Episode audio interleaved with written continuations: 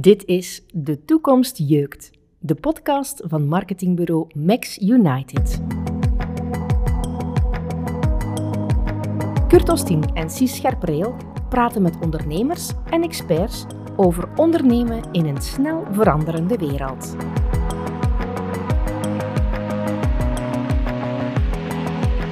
In deze aflevering trok Cies naar Brussel om thuis bij Gino van Ossel te praten over de impact van corona op de retailsector. En ik gebruik graag het beeld van de teletijdmachine van professor Barabbas.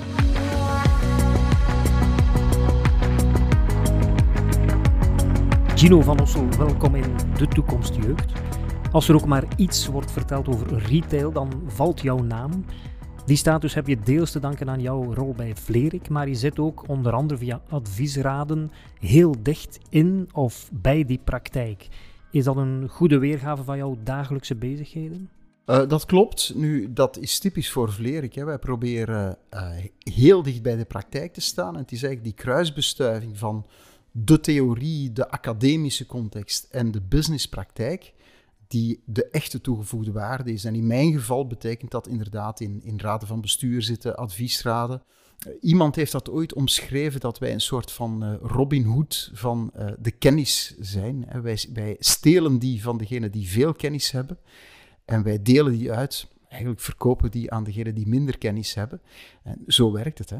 Die vraag van waar gaan we naartoe in deze nieuwe tijden, dat moet wel de meest gestelde vraag zijn bij jou, denk ik. Uh, dat klopt. Op dit ogenblik is het iets wat uh, heel uh, sterk leeft.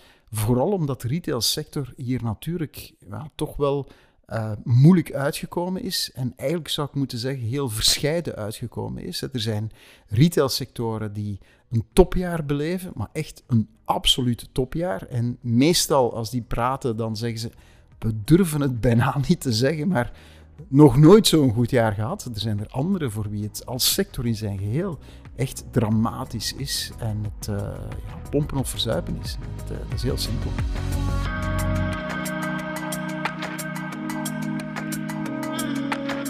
Gino als de Robin Hood van de retail. Zo hadden we het nog niet gehoord. In 2014 hadden Cis en Gino al een interview in de rand van de Global E-Commerce Summit in Barcelona, waar Gino net de Omnichannel Award had uitgereikt. In dat voorjaar was zijn eerste boek Omnichannel in Retail, het antwoord op e-commerce, verschenen. Omnichannel was toen een vrij nieuwe term. Maar hoe staat de retailer er vandaag voor op dat vlak? Eigenlijk is het zo dat vandaag ongeveer elke retailer dat begrip omnichannel volledig beheerst en voor zichzelf al lang uitgemaakt of hij dat moet doen of niet. En de over, over, over, overgrote meerderheid wil die richting uit en werkt daar naartoe. Um, het antwoord op e-commerce, dat was pure marketing. Eigenlijk was dat het antwoord op Amazon, Bol, Coolblue. Wat moet je doen? Dat is die uh, naadloze afstemming van de fysieke winkel op de online omgeving. Is alles wat in dat boek staat uiteindelijk ook gebeurd? In zekere zin wel uh, in de betekenis van het wordt vandaag nog altijd uh, gelezen en verkocht als een soort van basiswerk rond wat is omnichannel. Ervaren retailers lezen dat niet meer, maar wie van buiten de sector komt, of studenten bijvoorbeeld, ja, die vinden daar echt nog een heel goed kompas in. Wat is wel zo, en vandaar dat uh, mijn nieuwste boek, dat heet in het Engels en in het Frans Opti-Channel.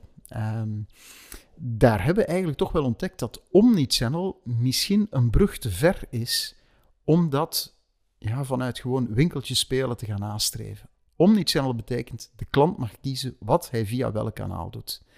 Dat klinkt heel goed, maar dat is bijzonder duur en bovendien gaat dat voorbij aan eh, wat het wezen is van strategie. Strategie is kiezen wat je wel gaat doen, maar ook wat je niet gaat doen. Dat betekent dus dat je ook kan kiezen om dingen niet te doen. En dan mag die klant niet meer kiezen. En dat is misschien betaalbaarder. En dus als ik zei van de meeste bedrijven stellen zich de vraag, moeten we doen of niet? Dan zijn er een aantal die zeggen, wij doen niet aan e-commerce. Grote namen, Primark en Action. Dat heeft heel veel te maken met rendement. Anderen experimenteren daarmee. Flying Tiger bijvoorbeeld uh, hebben in België nog geen webshop, maar zijn onder andere in Denemarken aan de slag gegaan. Wel, waarom hebben ze die niet? Als je heel goedkope producten verkoopt, dan is de euromarge per item zo laag dat dat heel moeilijk rendabel te krijgen is om producten tot bij die consument te gaan krijgen. Um, hoe kan je dat oplossen? Wel, in Denemarken zijn ze bijvoorbeeld gaan werken rond pakketten. Pakketten waarbij je meerdere producten samen in één uh, pakket steekt. En dat je als pakket gaat kopen, waardoor het ticketbedrag stijgt en je dat wel degelijk uh, rendabel krijgt. Maar dat neemt niet weg voor een Flying Tiger, zal dat altijd, altijd veel kleiner zijn in uh, omzet. Maar de meeste retailers die een bakstenen winkel hebben, die hebben een webshop en die hebben die geïntegreerd. En die zijn tot de vaststelling gekomen dat die wereld heel hard veranderd is. En ik wil één concreet voorbeeldje geven. We kennen allemaal IKEA, uh, you love it or you hate it. Maar het model is heel simpel. Je gaat daar naartoe om iets te kopen, ik zeg maar wat, een bed, en je komt buiten met kaarsen, kussens en dat soort dingen. Dat werkt niet online. Dan koop je wel dat bed, maar die impuls aankopen, dat is toch een heel ander verhaal. Uh, en dan zie je dat zo'n bedrijf zich volledig moet heruitvinden, helemaal moet transformeren. En dus IKEA is ook hier weer in ons land een heel mooi voorbeeld. Uh, oorspronkelijke plannen waren om in de grote steden twee winkels te hebben. In Brussel zijn die er ook, dat is Anderlecht-Nossegem. In Antwerpen, in het zuiden, hebben ze er eentje. In Wilrijk, er ging een in het noorden komen. Die komt er niet. Ja, en Gent zal toch Oost- en West-Vlaanderen moeten blijven bedienen. Die winkel die in Zuidwest-Vlaanderen ging komen in uh, Wevelgem, die komt er niet. Dat heeft dus alles te maken met die e-commerce. Tegelijkertijd wordt er geëxperimenteerd met kleinere stadswinkels.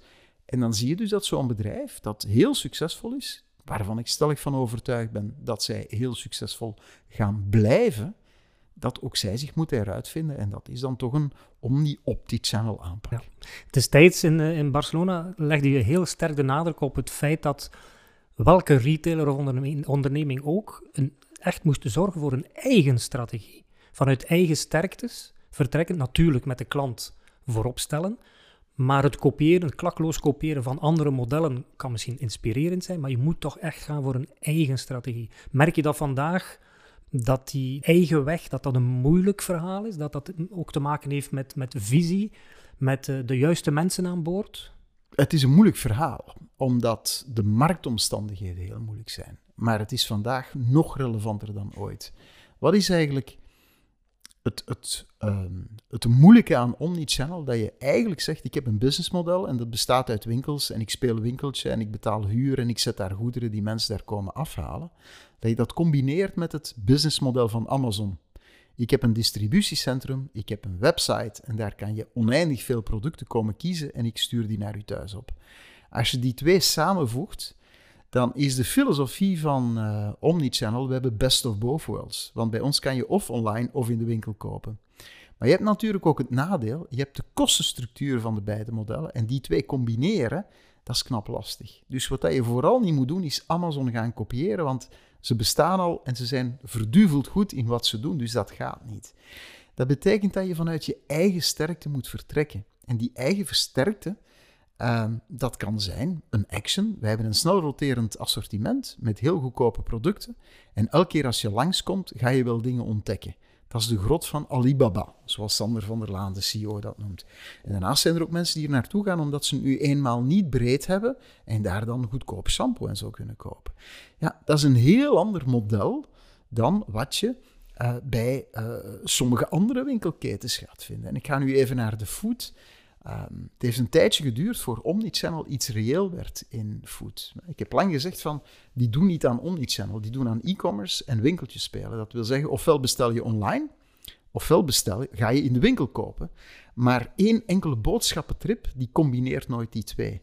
Wel, via de app is dat veranderd. Want op de app bewaar je je boodschappenlijstje. En je kan dan toevallig een winkel binnenstappen en dat daar gaan bekijken. Maar je kan dan ook uh, in de winkel uh, zelf uh, bijvoorbeeld gaan kijken bij een lijzen wat is de Nutri-score van de producten die ze daar verkopen. Maar je zou het net zo goed online kunnen gaan uh, bestellen. En je ziet dat ook daar die beweging is gekomen.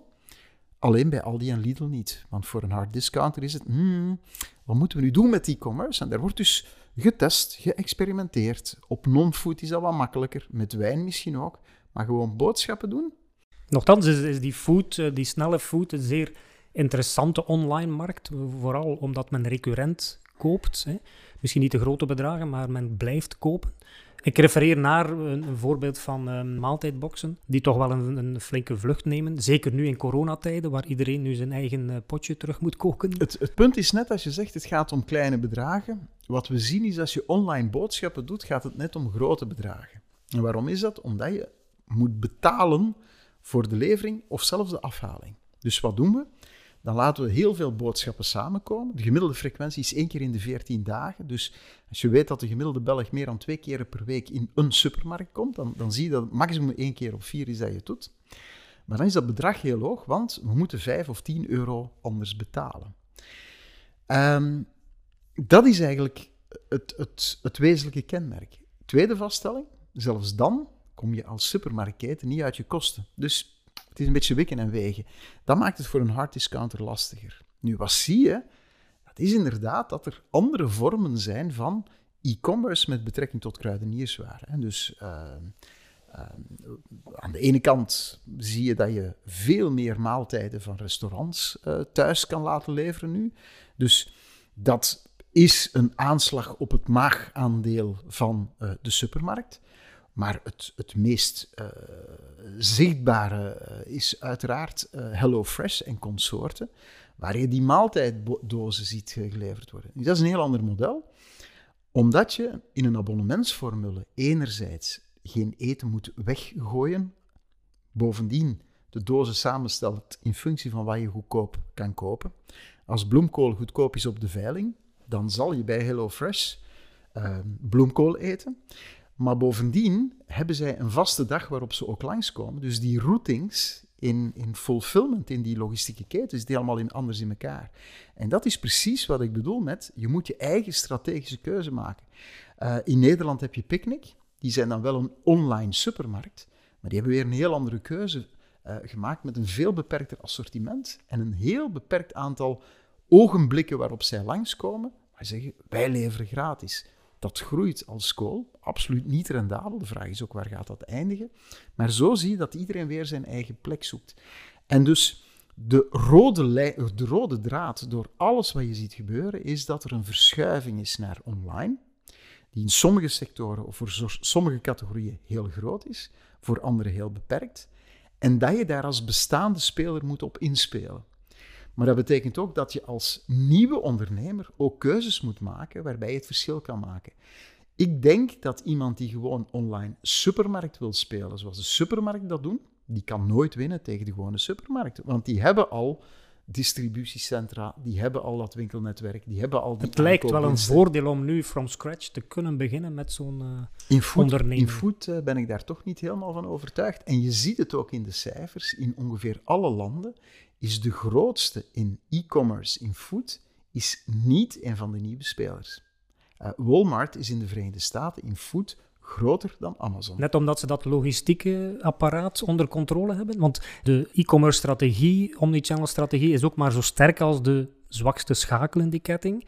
En heel vaak wordt de nadruk gelegd op logistiek, als het al niet technologie is.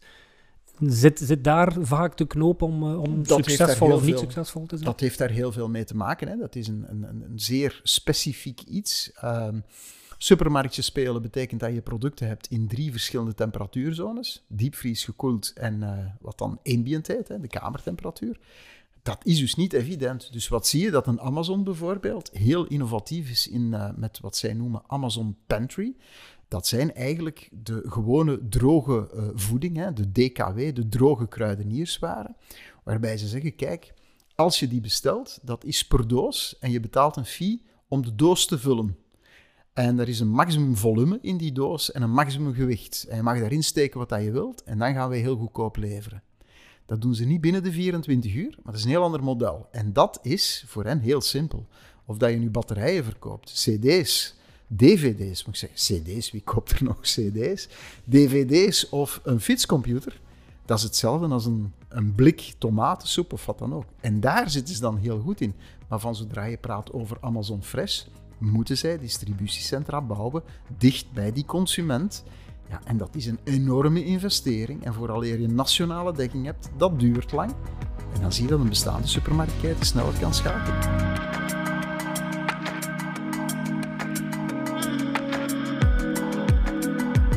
Er is niet één oplossing die voor iedereen geldt. Zoveel is duidelijk. Van de supermarkt naar de mode dan maar. Tijdens een focusgroep bij Max United voor een modemerk bleek dat er bij de consument een soort angst leeft om geen korting te kunnen krijgen op een kledingstuk. Zijn we niet een beetje uit de bocht aan het gaan met zo'n soldenstress? het is moeilijk om te zeggen dat de consument uit de bocht is gegaan. De sector uh, is uit de bocht gegaan en dan mag je dat niet beperken tot fashion, want dat geldt voor alle sectoren. Denk maar aan een fenomeen als Black Friday. dat, dat, eigenlijk is het zo dat wij onze kerstaankopen deden in december. En nu is dat vervroegd door Black Friday. En wat is Black Friday? Dat is eigenlijk gigantische kortingkermis. Het verlaten van de solde nu, dat is iets wat puur gebeurt op vraag van de zelfstandige modewinkelier. Ik heb heel veel sympathie voor die winkelier en ik begrijp ook waarom hij dat vraagt. Maar dat is natuurlijk onzin. Dat is een beetje zoals zeggen van ja, uh, er komt een wet die kanker verbiedt. Kunt dat verbieden, hè, maar daarmee gaat het niet weg. Het is geen uniek Belgisch fenomeen. In Nederland en in Frankrijk zijn ze ook opgeschoven. Nu, de wetgeving is daar allemaal wat anders, maar ze zijn opgeschoven tot juli. Dat betekent we zaten al later, dus we blijven later. En het is een absolute illusie dat zelfs los van de Amazons van deze wereld en al dat soort gedoe, dat die solden nog bestaan. Dat is al lang niet meer het geval. Technisch gesproken betekent solde dat je met verlies mag verkopen. En dat mag maar in twee maanden per jaar. Maar je mag altijd korting geven. Alleen vroeger mocht het niet de maand voordien, want het was een sperperiode. Dat mag nu wel met koppelverkoop. En dan zie je dat die retailer, inclusief de kleine zelfstandige, zo slim is om te zeggen: als je een pakje veters koopt, dan zijn de kortingen die overeenkomen met de gekleurde stickers uh, van toepassing op de schoenen. En dan is er geen sperperiode meer, want, en er zijn er die doen het met een uh, herbruikbare boodschappentas. Ik heb een, een uh, fantastisch geweldige modeboutique in Leuven gezien, die verkocht lekstokken. Voor 1 cent. En dan kreeg je de korting die al op de kledingstukken stond. Dat is toch een talent van de Vlamingen, hè? Uh, van de ondernemer. en wij zijn er inderdaad goed in. Maar het is heel wezenlijk. Wat dat je merkt, is dat de consument verwacht dat er korting is. En als er geen korting is, koopt hij niet. Dat betekent als je nu in de winkelstraat rondloopt, daar is korting. Maar die is er altijd. En dus de consument is daar slecht in opgevoed. En wat soms gezegd wordt, is terecht. Hè? Uh, bedrijven budgetteren daarop. Hè? Dat betekent dat je prijzen wat hoger inzet om dan de korting te kunnen geven. De kampioen daarvan is Van Haren, die dat in Nederland extremer doet dan in België, omdat de wetgeving daar anders is. Bij Van Haren, schoenen, is het het hele jaar door, op alle schoenen, continu krijg je korting. Heel de tijd. Maar die consument is op die manier opgevoed. En er zijn er nog, er zijn ook Belgen dat daar goed in zijn. Hè. Uh, X, X2O, Overstok, behoren allemaal tot dezelfde groep. Daar is elke maand een nieuwe kortingactie. En die duurt tot het einde van de maand. En dan begint de volgende. Een ander fenomeen dat wel opduikt, zeker door corona, nu versterkt wordt, is uh, het belevenis shoppen. Brengt corona een einde aan shoppen als beleving, denk je? Wordt het allemaal wat rationeler? Um, ik denk dat ik, vooraleer ik op die vraag heel concreet antwoord, dat ik toch liever het iets breder opentrek. Wat dat corona eigenlijk doet, is een heleboel latente trends versnellen. En ik gebruik graag het beeld van de teletijdmachine van professor Barabas. We zijn in maart 2020 in de coronatijd in die tijdsmachine ingestapt. En we zijn eruit gekomen in mei 22, 23, 24. Heel veel trends die al bezig waren, die hebben zich versneld doorgezet. En om het nu iets ingewikkelder te maken, zit er daar nog een tweede factor in. Dat is, er komt een tijd post-vaccin, maar we zitten nu nog in de pre-vaccin-periode. En de pre-vaccin-periode is geen permanente, dat is een tijdelijke. En dus als ik probeer uit te leggen wat de impact is, dan heb je een tijdelijk fenomeen en een structureel fenomeen. En dat tijdelijk fenomeen omvat twee elementen. Ben je bang voor je gezondheid en ben je bang voor je financiële toestand? En die financiële toestand, dat is gemakkelijk. Dat is een recessie. En dat kennen we uit het verleden. En wat doet een consument als hij bang is voor zijn financiële situatie?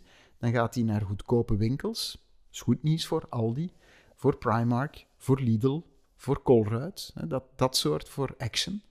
Dan gaat hij um, ofwel goedkope merken kopen. De huismerken zitten in de lift, het is al vertrokken. Die gaat een Dacia kopen en geen Renault. Hyundai zal weer meer auto's verkopen dan anderen. Die gaat ofwel mogelijkheid nummer drie, met korting kopen. Als hij dan toch een fabrikantenmerk koopt, dan zal er stevige korting moeten zijn. Of hij koopt niet, hij stelt uit. Die auto kan nog een jaartje langer mee. Wel, het aantal bedrijven dat de leasingcontracten weer een jaartje gaat bijtellen, zal ongetwijfeld weer groot zijn. Mensen die een tv hebben van acht jaar oud die stuk gaat, die wordt hersteld. Anders werd die misschien gewoon vervangen. Dat zijn de dingen die we weten. Op vlak van gezondheid en dat kon je al zien tijdens de lockdown. Je hebt mensen die konden niet wachten om uit hun kot te komen. Je hebt mensen die nu nog altijd niet uit hun kot durven komen. En je voelt dat dat geleidelijk aan losser gaat komen. Fun shopping is er niet bij. Met een mondmasker in een winkel rondlopen, daar is geen lol aan. Uh, er zijn verschillende winkels waar de paskamers zelfs dicht zijn. Er zijn andere winkels waar één paskamer op twee open is. Maar dat betekent van zodra je een beetje volk in de winkel hebt, moet je aanschuiven. Um, als het druk is, is nog altijd de vraag: kom alleen naar de winkel. Ja, daar is geen lol aan. Uiteraard is er dan geen experience en dit en dat. Wat we wel zien is dat ook dat gaat een rol spelen. Hè. De stad intrekken als de horeca dicht is, dat is niet leuk. Nu de horeca weer open is, krijg je ook daar dat soort rustpunten. Dus langzaam maar zeker gaan we daar naar een normale leven. Maar dat gaat nog wel even duren. Maar eens we dat vaccin hebben en eens het weer normaal wordt, gaat die trend richting fun shopping en, en die beleving en die experience, die gaat nog toenemen. En dan kom ik terug bij wat ik... Uh...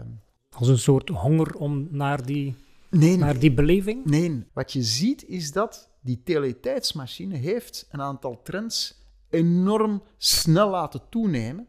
En ik ga een paar open deuren intrappen, e-commerce. E-commerce is gaan pieken. Dat is nu teruggevallen, maar dat zit veel hoger dan pre-corona ik moet eigenlijk zeggen pre-lockdown, want we zitten nog altijd, het virus is niet weg. Die gewonnen groei, die gaat niet meer verloren. Dat betekent dus dat er te veel winkels zijn, te veel vierkante meter winkelruimte. Wat koop je online of wanneer koop je online? Als je geen zin hebt om naar de winkel te gaan of als je geen tijd hebt. Wel, ik heb als ik in een modewinkel kom en ik kan daar niet passen, ja, dan kan ik het even goed online kopen. En mannetjes, een beetje nadenken. Hè. Dat is convenience. Hè? Dat is puur het gemak. Hè. Dat is, maar dus alles wat functioneel is en die consument heeft daarvan geproefd, dat gaat niet meer weg. En dus dat maakt dat alles wat je gemakkelijk functioneel wil kopen, doen we nu meer dan voordien online. Ja, waarom ga je dan de winkelstraat in? Voor het fun aspect. Ik ga er nog een tweede invoegen om aan te geven hoe ingrijpend dat is. We hebben het thuiswerken ontdekt. Dat is niet nieuw, hè? Er zijn veel bedrijven waar het vroeger al mocht, er zijn er ook waar het niet mocht. Maar al die bedrijven waar het niet mocht, ik kan me echt niet voorstellen dat u nu gaan zeggen: ja, maar ja, maar ja, maar kom nu maar terug. Een hele goede indicator is dat de eigenaars van kantoorvastgoed, die zijn hun huiswerk aan het maken, want die weten dat het aantal vierkante meters dat nodig gaat zijn, dat gaat krimpen. Bart Somers, die als minister zegt, ambtenaren van de Vlaamse gemeenschap moeten thuiswerk als de norm zien en niet als de uitzondering. Dat betekent niet dat ze alle dagen thuis gaan zitten, maar dat ze vaker thuis gaan zitten. Wat betekent dat nu voor het consumptiegedrag? Waarom zit een Nieuwstraat op min 50%? Dat is niet alleen omdat mensen bang zijn, maar als je tijdens de week niet in Brussel op uw bureau zit, ga je overdag, over de middag ook niet even strap snel de Nieuwstraat in. Dat betekent dus ook als je niet naar Brussel reist, dan ga je onderweg ook niet stoppen in een benzinestation. Als je niet naar Brussel reist, en in mijn geval is dat bijvoorbeeld als ik naar Antwerpen rijd, van waar ik woon in Brussel, rijd ik altijd of bijna altijd langs de A12, dan gebeurt dat wel eens dat ik zeg van ik vertrek een half uurtje vroeger en ik stop op de Boomse Steenweg om snel is, ik zeg maar wat, A12 shopping, daar is een standaard boekhandel, daar is een decathlon, ik heb snel iets nodig. Als er niet voorbij komt, kan ik het daar niet kopen. Het is een kettingreactie. Maar ik kan het dus wel online kopen. En dus je ziet dat dat heel fundamenteel is. Ik ga er nog een laatste aan toevoegen. We hebben gezien dat, en dat is een, een, een, internationaal fenomeen, door meer thuis te werken zijn mensen meer gaan koken. Ik heb het niet over er is meer gebakken, want de kinderen zijn thuis, moeten ons bezighouden. Maar er wordt meer gekookt omdat de pendeltijd die je uitspaart, ja, je moet die aan iets besteden. En mensen zijn weer gaan koken en dus ingrediënten gaan kopen. Dat is goed nieuws voor een HelloFresh geweest, want die leverde ingrediënten, maar in een supermarkt zie je dat de omzet van bereide maaltijden is gedaald. Ik denk niet dat we naar dat vorige niveau gaan. Uh, ik denk dat dat structureel veranderd is. En dat is voor een aantal bedrijven slecht nieuws. Voor supermarkten betekent dat je moet schakelen. Betekent dat je weer de dingen anders moet gaan invullen. En dus, dat geldt ook voor heel veel andere sectoren. Hè. En dat is echt wel een, uh, een dramatisch gegeven, maar dat biedt weer kansen. Ondernemers die dat zien, die daar goed op inspelen, die kunnen dingen gaan doen. En die gaan daar weer nieuwe succesverhalen kunnen opbouwen. Er is wel in de afgelopen tijd ook een, een, boost geweest van koop lokaal. Je hebt het al eh, even vernoemd. Ik stel me dan eigenlijk de vraag, ja, dat, dat hangt nu in een sfeer van sympathie, van de gunfactor. Ja, is dat duurzaam genoeg? Houdt dat stand eens alles weer een klein beetje in zijn plooi valt? Ik denk dat je daar genuanceerd moet op antwoorden. Wie thuis werkt en een hele dag thuis gezeten heeft gezegd, ik wil iets naar buiten, en die gaat bij hem in de buurt dingen gaan kopen. En ik denk dat de groei van de buurtsupermarkten die we meegemaakt hebben tijdens de lockdown, dat die gaat blijven. We zien tegelijkertijd dat hypermarkten extra last ondervinden.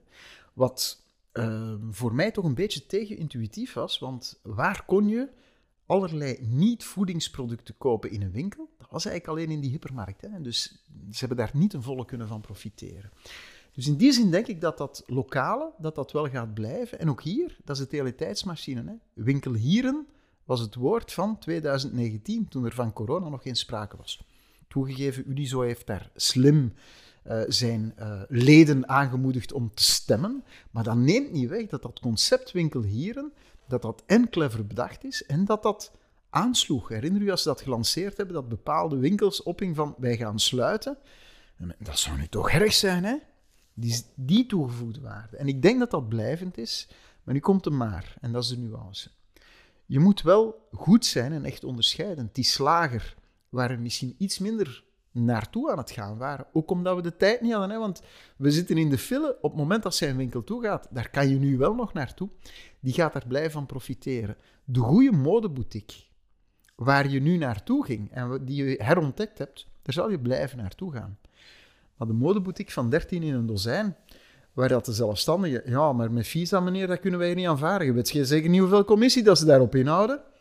Ja, ja, nee, nee, als u het terugbrengt, ik kan u een tegoedmond geven, maar het geld teruggeven, dat gaat niet, hè.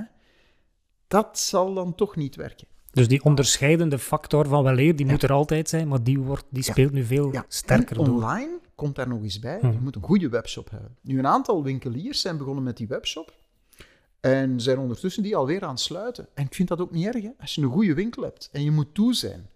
Ja, er zijn heel veel winkeliers die hebben telefonisch verkocht. Hè? Die hebben gezegd van, we hebben een e-mailbestand, wij mailen onze klanten. Van, als je iets wilt kopen, uh, alles staat op de website, bel ons en je kunt dat komen afhalen of ik breng dat. Dat is perfect. Hè? Op het moment dat die winkel weer open gaat, heb je daar de ruimte niet voor. De keuzes die je moet maken, restaurants die afhaal hadden, een aantal gaat daar weer mee stoppen, een aantal gaat voortdoen. Allemaal goed, je moet je eigen keuzes maken. Maar wie een webshop heeft, en die is niet goed, hè, die sympathie zal op weg zijn. En die sympathie is wat dat betreft al weg. Ik, de gunfactor is het, maar je moet het wel verdienen. En dat hebben we zelf gezien, dat de Zalando's van deze wereld in de lockdown is hun groei enorm vertraagd. ESOS, grootste in de UK, in feite is eigenlijk een, beursgenoteerd bedrijf dat ook internationaal actief is, heeft zijn groei enorm zien vertragen tijdens de lockdown. Ondertussen is die weer hernomen. Overigens vertragen, ze groeiden nog. Hè. Moet je eens luisteren wat een aantal Belgische fashion retailers gezegd hebben over hun webshop. Maal zes, hè. Maal zes. Wel, bij Zalondo ging het over een plus 14%. Dat is dus een gigantische kloof. Merken die verkochten aan Zalando zagen dat hun eigen webshop veel sneller groeide. En dat is dat de fan van het merk ging naar het merk zelf. Gaat dat blijven duren? Nee, dat denk ik niet. Ik denk dat die Zalando, die gaat, en dat is alweer begonnen, dat is weer vertrokken. Dus, maar gaan die merken daar ook die groei hebben, een beetje terug, maar op een hoger niveau blijven? Zeker en vast. Ik ben daar heel sterk van overtuigd. Betekent dat dat we dan zoveel meer gaan uitgeven? Nee, dat betekent dat er te veel winkels zijn. En dan kom je weer bij het begin. Waar gaan we dan naartoe en waarom? Dat is daar waar het leuk is en dat zijn leuke winkels enzovoort enzovoort. En in fashion krijg je nog een bijkomend fenomeen, dat is het dubbele aspect van de jongere generaties hebben andere keuzes gemaakt. Zij geven liever geld uit aan technologie dan aan kledij. Je merkt dat. Dus Kleding is een beetje uit de gratie gevallen. Dat wil niet zeggen dat er geen kleren meer gekocht worden, maar de markt groeit niet meer. Tweede vaststelling. De vraag wordt gesteld naar duurzaamheid. De sector speelt daar heel sterk op in.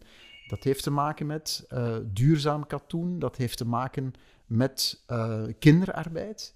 Maar je ziet ook dat tweedehands enorm in de lift zit.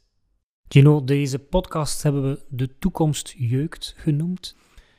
Waar jeukt de toekomst voor jou? Ik heb het grote geluk dat ik in een retailsector waar vroeger heel weinig veranderde, dat het nu heel hard verandert. En die toekomst die gaat weer allerlei verandering meebrengen. En de toekomst voor mij is, ik denk dat ik zolang ik kan ga blijven werken in de zin van nadenken over wat de toekomst brengt, hoe die jeukt en waar je moet krabben om daar goed op in te spelen. En steeds meer het rustig aan te doen om die kennis over te dragen. Maar ik kijk de toekomst uh, bijzonder positief uh, tegemoet. Ook maatschappelijk, omdat je merkt dat we toch veel meer nadenken over wat er echt toe doet. En um, waar we in welvaart een enorme vooruitgang hebben geboekt, beseffen steeds meer dat welzijn ook belangrijk is. En daar een goed evenwicht in vinden. Ik denk dat we daar als mens veel meer be bezig zijn dan vroeger. En dat is een hele goede zaak. Gino, mag ik je heel hartelijk bedanken en eigenlijk veel jeuk toewensen in de komende jaren. Dankjewel.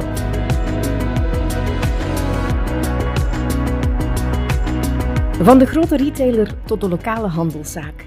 Iedereen moet zichzelf in vraag durven stellen, nu meer dan ooit. Hoe sterk jeukt jouw toekomst?